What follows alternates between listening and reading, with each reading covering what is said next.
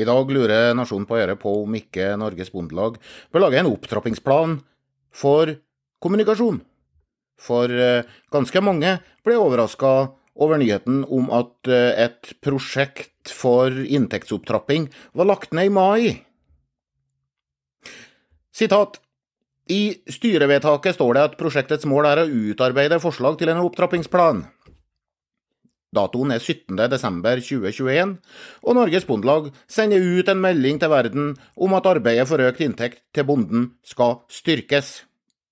Prosjekt Inntektsløft skal ledes av Simen Solbakken, assisterende næringspolitisk sjef.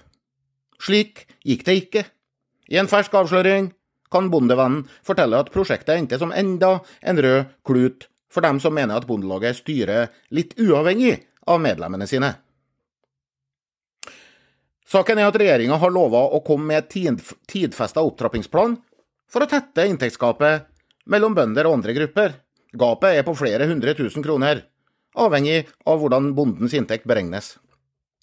I oktober i fjor kom Inntektsutvalgets rapport, den såkalte Grytten-rapporten, om temaet.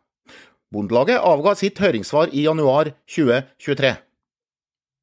Men Bondelaget ville ikke nøye seg med det høringssvaret, informerte leder Bjørn Gimming. Sitat.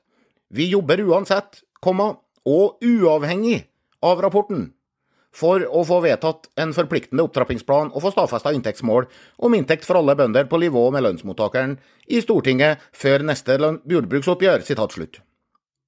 Slik gikk det ikke. I mai ble prosjekt Inntektsløft lagt på is av Bondelagets arbeidsutvalg. Bjørn Gimming sier nå det er en misforståelse at Bondelaget skulle gjøre noe mer enn å sende et høringssvar. I så fall har ganske mange, inkludert den skribenten her, misforstått, og med god grunn. Vedtaket om å stoppe prosjektet, som altså ble kringkasta med full hornmusikk i 2021, det ble gjort uten at verken medlemmer, årsmøte eller media hørte et pip. Det er ikke en hemmelighet at kursen ble justert, sier Bjørn Gimming. Hvis det var sant, så ville det vel vært unødvendig av Gimming å ta sjølkritikk på at kommunikasjonen kunne ha vært tydeligere. Bondelagets ledelse har enda en gang klart å irritere medlemmene gjennom å framstå som egenrådig elite i Elfenbenstårnet. Det er synd, for denne gangen kan ledelsen ha rett i sak. Både Bondelaget og Norsk Bonde- og Småbrukarlag avviste som kjent den såkalte hybridmodellen for inntektsberegning som Grytten-utvalget foreslo. Og dermed så stoppa arbeidet med nytt inntektsmål opp i regjeringa. Verken i embetsverket eller på politisk nivå er lysten stor på å legge fram en ny inntektsmodell for bøndene på egen hånd. Landbruks- og matminister Geir Pollestad har så langt ikke lova bøndene forhandlinger på nytt inntektsgrunnlag. Heller ikke til våren.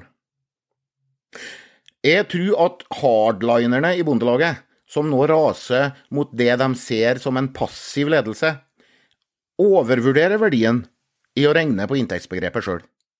Nytten kan endog være negativ. For det hadde vært kjærkomment for departementet å få Bondelaget inn på bakrommet for å hestehandle om en ny inntektsmodell. Da kunne sjefsbyråkrat Wil Søyland ha dratt fram kortsiktige gulrøtter i form av signal om et godt oppgjør i 2024 og 2025, i bytte mot Bondelagets aksept for en ny inntektsmodell. For regjeringa hadde det vært bekvemt å gå til Stortinget med en inntektsmodell som var forhåndsklarert med Bondelaget. Det ville satt SV under press for å stemme ja til en sånn modell. Men nå må Arbeiderpartiet og Senterpartiet bli enige seg imellom i regjering om hvordan bondens inntekt skal beregnes. Arbeiderpartiet vil garantert ha en metode som viser at bonden tjener mer enn hva Senterpartiet liker. For det betyr jo mindre behov for milliarder til tetting av inntektsgap. Når det gjelder selve opptrappingsplanen, så vil Arbeiderpartiet være mindre interessert i å bruke tollvern og WTO-grep. Senterpartiet vil ønske slike grep. Hvis regjeringa kommer opp med en modell som er billig og bekvem for staten, men lite lønnsom for bøndene, og med få virkemidler, så vil det utløse et nytt bondeopprør og en åpen og kostbar hestehandling med SV Situasjonen kan spinne ut av kontroll, både for staten og Bondelagets ledelse, både på Stortinget og blant bøndene. Og det samme kan skje dersom regjeringa fortsetter å utsette ny inntektsmodell og opptrappingsplan. Bjørn Gimming sier nå er Bondelagets jobb å pushe regjeringen til å komme med en proposisjon til Stortinget. Lykkes vi ikke det med det, har vi en stor utfordring. Det er riktig.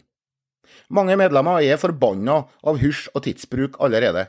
Hvis Bondelaget og Senterpartiet forhandler på gammelt tallgrunnlag for tredje gang i vårens, neste vårs jordbruksoppgjør, så vil det være den ultimate ydmykelse for mange bønder. Derfor må nok generalsekretær Sigrid Hjørnegård snart vurdere å droppe sine gummisåler og trampe i parketten på kontoret til Geir Pollestad. Bondelaget forhandler ikke én gang til på brutte valgløfter.